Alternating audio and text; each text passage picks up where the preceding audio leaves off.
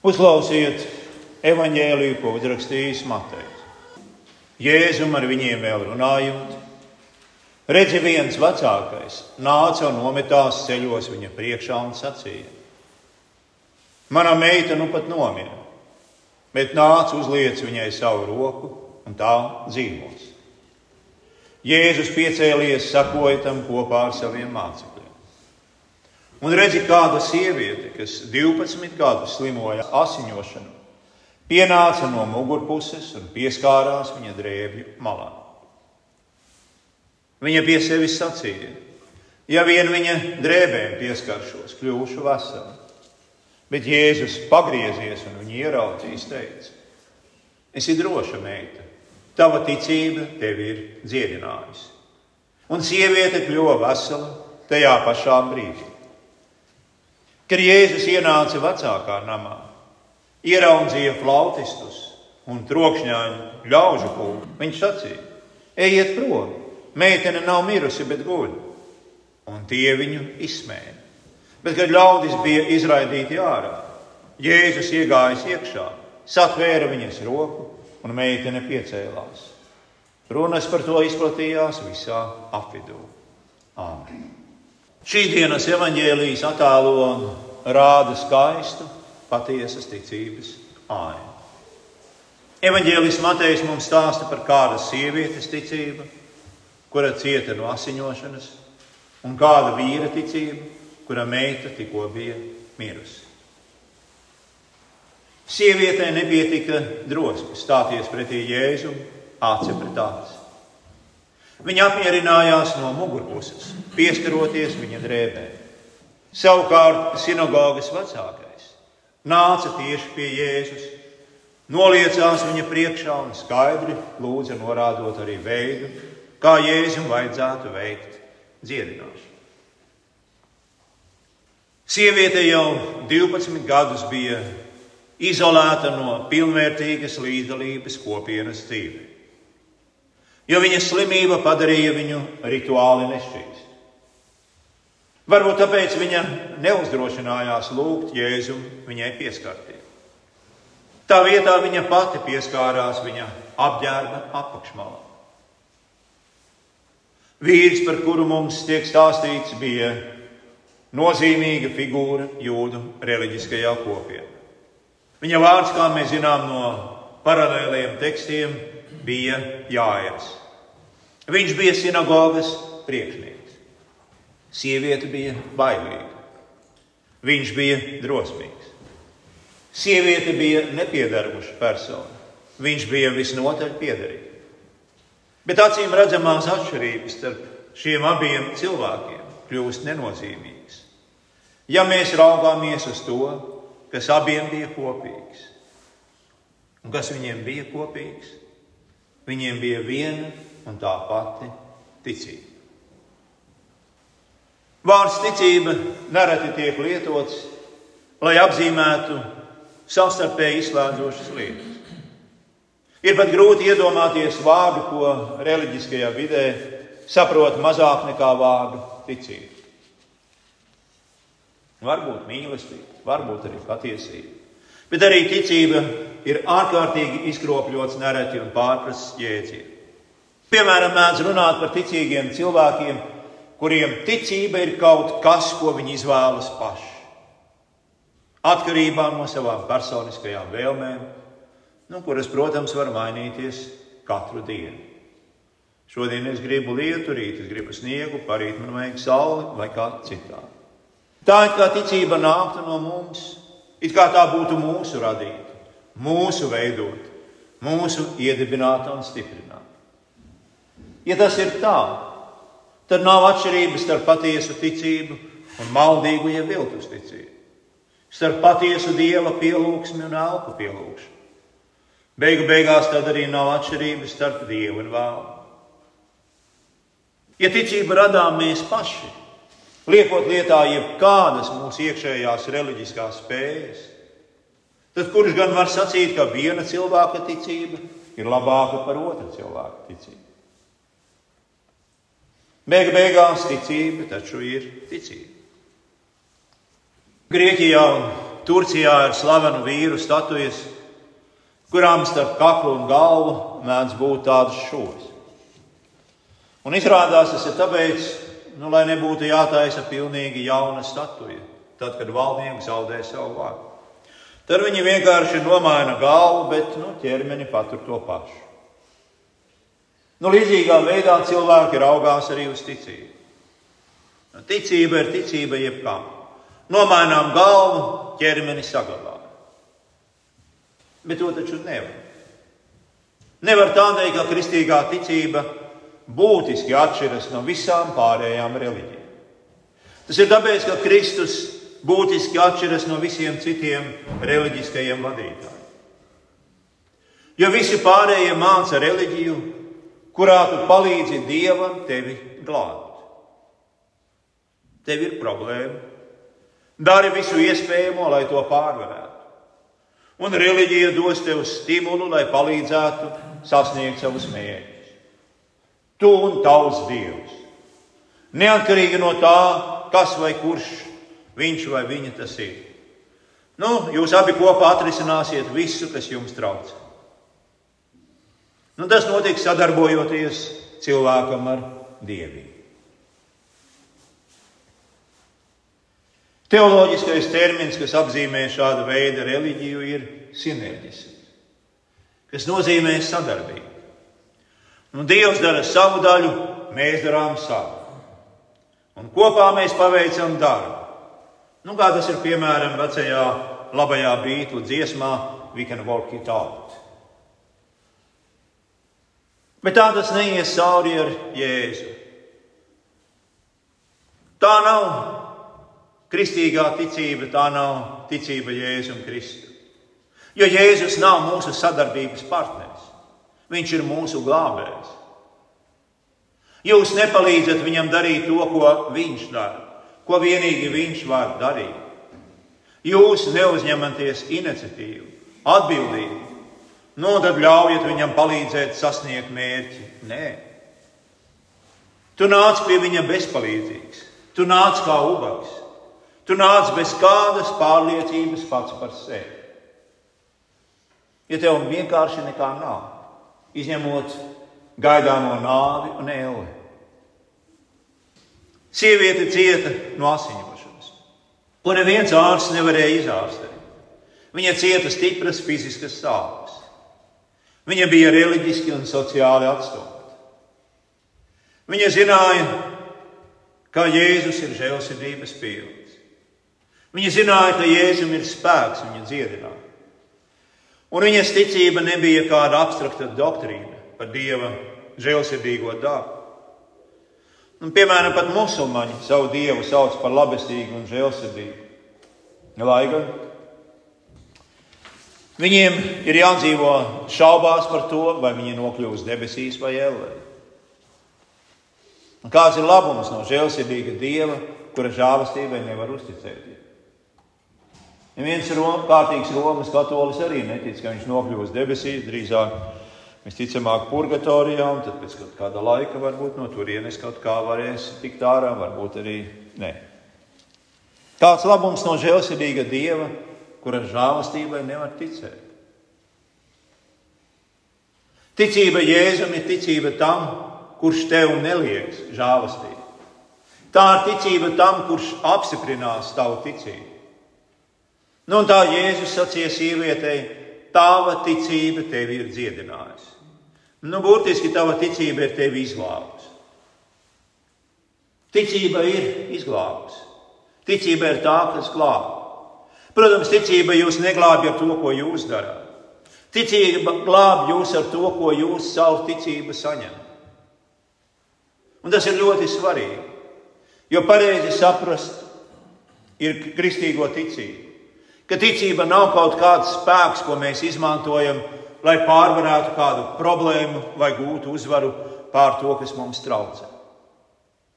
Kristīgā ticība, ticība, kas saņem pestīšanu no Dieva, ir pilnīgi visnotaļ saņemoša.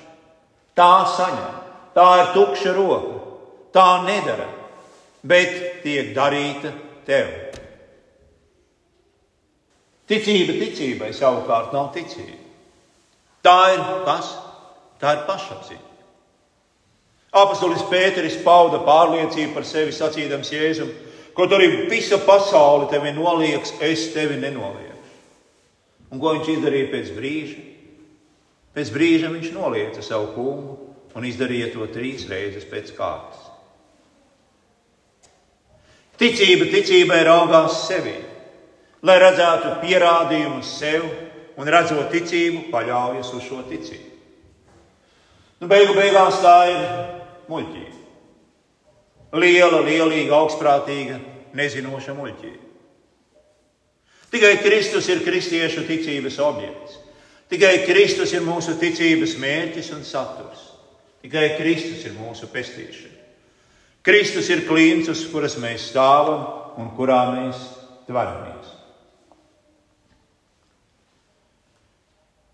Grēciniekam ir vajadzīgs glābējs, pestītājs. Un tur arī dzimst ticība. Ticība neskatās sevi, lai rastu pārliecību un cerību. Tā zina, ka tur neko neatradīs. Ticība skatās ārpus sevis tikai uz Jēzu Kristu. Ticība ir ticība Jēzu. Un tā nav kaut kas pats par sevi. Jo ticība dzimst mūsu vajadzībās, mūsu dziļākajā nepieciešamībā. Pēc doktora Lutera nāves viņa kabatā atrada zīmīti, uz kuras bija rakstīts, kas ticība īsti ir. Pēdējie Lutera vārdi, kas bija uz šīs zīmītes, pusi vāciski, pusi latīniski, bet mēs visi esam ubagi. Tā ir patiesība. Paraugieties uz Jāņa sinagogas priekšnieku. Viņš bija pieradis, ka pret viņu izturas kā pret svarīgu, cienījamu, nozīmīgu cilvēku. Un ko šis cienījamais vīrs darīja? Viņš pielūdz Jēzu. Evanģēlis Marks stāsta, ka viņš ir kritis pie Jēzus kājām un lūdzis viņu. Viņš pazemoja. Kad viņš lūdz Jēzu ierasties viņa mājās, lai uzliktu rokas viņa mazajai meitenei, Jānis nepavēla. Ko Jānis dara? Viņš ubago, viņš lūdz. Ticība, patiesa ticība vienmēr dzimst pazemībā. Patiesa ticība vienmēr ir vērsta uz Jēzu. Tā ir vienmēr vērsta prom no mums pašiem. Tās mūs mudina paklausīt Jēzu. Svētais gars caur svētajiem rakstiem mūs vada visā patiesībā par Jēzu. Ticība ir vērsta uz viņu, uz Jēzu. Jo pirmais, kas mums ir vajadzīgs no Dieva, ir tikt atbrīvotiem no mūsu grēkiem un no grēka sekām, nāves un ēles. Un Jēzus ir tas, kurš mūs atbrīvo. Viņš ir tas, kurš mūs glāb. Tātad ticība dzimst pazemībā. Un pazemība ir kas? Tas ir pretstats pašapziņai. Ticībai nav vajadzīgs, lai Dievs mūs apstiprinātu. Jo ticībai ir vajadzīga pestīšana, glābšana, nevis apstiprinājums. Kas man ir, ko es vēlos, lai Dievs apstiprina? Mans mīļākais Dievs, man nav nekā, nekā ko tev piedāvāt. Tas, kuram ir ko piedāvāt, tas, kuram ir ko dot, ir Jēzus. Viņš ietieps mani godībā, ticībā viņa nevainīgajām asinīm, kuras viņš izlēja pie krusta par maniem grēkiem. Ticība atklāja lietu patieso vērtību. Ticība atklāja patieso cieņu, drošību un identitāti Jēzu. Jēzu, kurš izlēja savas asinis par ikvienu no mums, par visiem no mums, par katru no mums. Un tas nozīmē, ka ticība pieķeras Jēzus vārdiem. Tas, ko viņš saka, ir tas, kam ticība tic. Jēzus sacīja sievietei, ka viņas ticība viņu ir izglābusi. Un tieši tajā brīdī viņa tika dziedināta. Jēzus teica, ka mazā meitene nav mirusi, bet guļ. Tā arī notika. Viņa bija mirusi. Viņas sirds pārstāja pukstēt, viņas elpa bija apstājusies. Bet, kad Jēzus teica, ka viņa nav mirusi, bet guļ, viņa vārdi viņu uzsēla, izrāva no nāves ķetnām. Jo ar viņu runāja pati dzīvība, dzīvības kungs un valdnieks, pats radītājs. Šī ir vienkārša, bet varana patiesība, kas mums ir dziļi jāiespiež savā sirdī un prātā. Lai mūsu ticība netiktu sajaukta no iekšpuses. Jo patiesa ticība nepakļaujas tam, ko cilvēks redz, jūt vai vēlas. Aizmirstiet to. Viss notiek tikai pēc Jēzus teiktā. Jo bez apsolījuma, bez viņa vārdiem nevar būt ticības. Kas var būt? Var būt tikai maldi, var būt māņķicība, var būt veltīgas spekulācijas. Ticība nē. Mums, kristiešiem, ir jābūt ļoti piesardzīgiem pret viltus ticības versijām, kas pazemīgo uzticību Jēzus vārdiem aizstāja ar tās pretstatu ticību pašam sev. Redziet, ticība ir nopietns pasākums, pat ļoti nopietns. Ticība ir dzīvības un nāves jautājums. Tā nav izklājība. Un redziet, nāve nāk bez brīdinājuma.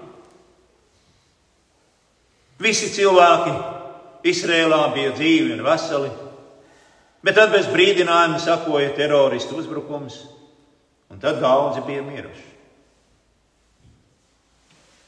11. septembrī tā tas bija Amerikas Savienotajās valstīs, pēc tam Parīzē un daudzās vietās pasaulē. Tagad daudzi ir miruši Gazā, mirst Ukrainā, un mirs daudz vietu citu. Vienalga, vai viņi ir fanātiski slepkavas, vai tā ir iedzīta slimība, bet mīris ir miris. Vienalga, kāds iemesls, vienalga, kas to ir paveicis. Un tad, kad pienāk nāve, kurš tai var stāties pretī? Kurš var ar to strīdēt? Kurš var to atraidīt un noliekt? Ir skaidrs, ka meitene, par kuru lasām šī dienas evanģēlijā, negulēja. Viņa bija mirusi. Flauta spēlētāji un vaininātāji ļāva skumjām izskanēt skaļos toņos, un kā tas bija raksturīgi Jēzus dzīves laikā jūdu bērniem. Sērotāji atzina nāves spēku ar savu sēru izpausmu. Bet tā, kas notika tad, tad istabā ienāca dzīvība. Tā sastapa nāvi un izaicināja tās vārdu. Un tie, kurus sirdis noliecās nāves priekšā, ko viņi darīja? Viņi smējās, viņi ņirgājās. Viņi ņirgājās un smējās par dzīvības kungu. Kāpēc viņi smējās? Tāpēc, ka viņš teica, ka meitene guļ. Viņi zināja, ka viņa ir mirusi. Viņi labi pazina miruša cilvēka ķermeni, kad to redzēja. Redzot nāvi, viņi smējās par dzīvi. Bet smējas tas, kurš smējas pēdējais, un pēdējā smējās dzīvība. Saminot nāves varu zem savām kājām. Un tā nav skaista reliģiska teiksme vai leģenda, bet šeit atklājas visas mūsu sasodītās dzīves esamības jēga, saturs un piepildījums. Tas, ko Jēzus darīja šai meitenītei, tas notiks ar katru no mums. Tāpat kā viņš reiz pieskārās viņai un cēla to augšā no nāves, tā viņš pieskārsies arī mums un cels augšā no mūsu kapiem. Vēstules ebrejiem autors raksta, Jēzus Kristus ir tas pats vakar, šodien un mūžīgi. Viņš nemainās. Mēs mainām. Mums ir jārēķinās ar savu nepastāvību. Mums ir karsti un augsti, mēs esam veseli un slimi. Kādu dienu mēs esam pārliecināti par Dieva vārdu un priecājamies par uzvaru, ko Jēzus izcīnīja par grēku, nāvi un vēlmu. Nākamajā dienā Dieva vārds šķiet nereāls, kādas muļķības, mūsu sirds ir pilnas ar šaubām, mēs baidāmies mirt. Ticība mirgo kā svece vējā. Kamēr Jēzus ticības objekts paliek nemainīgs, drošs un patiesa. Ar sievietes un sinagogas vecāku acīm, kas lūdza Jēzum žēlastību, mēs skatāmies ārpus savām jūtām, uz to, kur viņi skatījās. Šādā veidā mēs gūstam iespēju paraudzīties uz to, kas citādi mums nebūtu iespējams. Un tādēļ Jēzus šīs lietas darīja. Un kā mums atkal mudina vēstule ebrejiem, uzlūkosim mūsu ticības aizsācēju un piepildītāju Jēzu, kas viņam sagatavotā prieka dēļ, par kaunu nebēdādams, ir pacietis krustu un nosēdies dieva tronim pa labai rokam. Ticība. Ticība, kas pastāv un paliek nemainīga, ir vērsta uz Jēzu krustu. Tieši tur ir noankurota mūsu ticība. Tieši tur dzīvība uzvarēja nāvi. Tur tika uzvarēts ik viens garīgais ienaidnieks, kas uzbruka arī mūsu ticībai. Tādēļ raugieties uz viņu, uzlūkojiet, uzlūkojot viņu, neticība tiek uzveikta, ticība tiek stiprināta. Viņiem ir gods un pateicība mūžīgi mūžos. Āmen!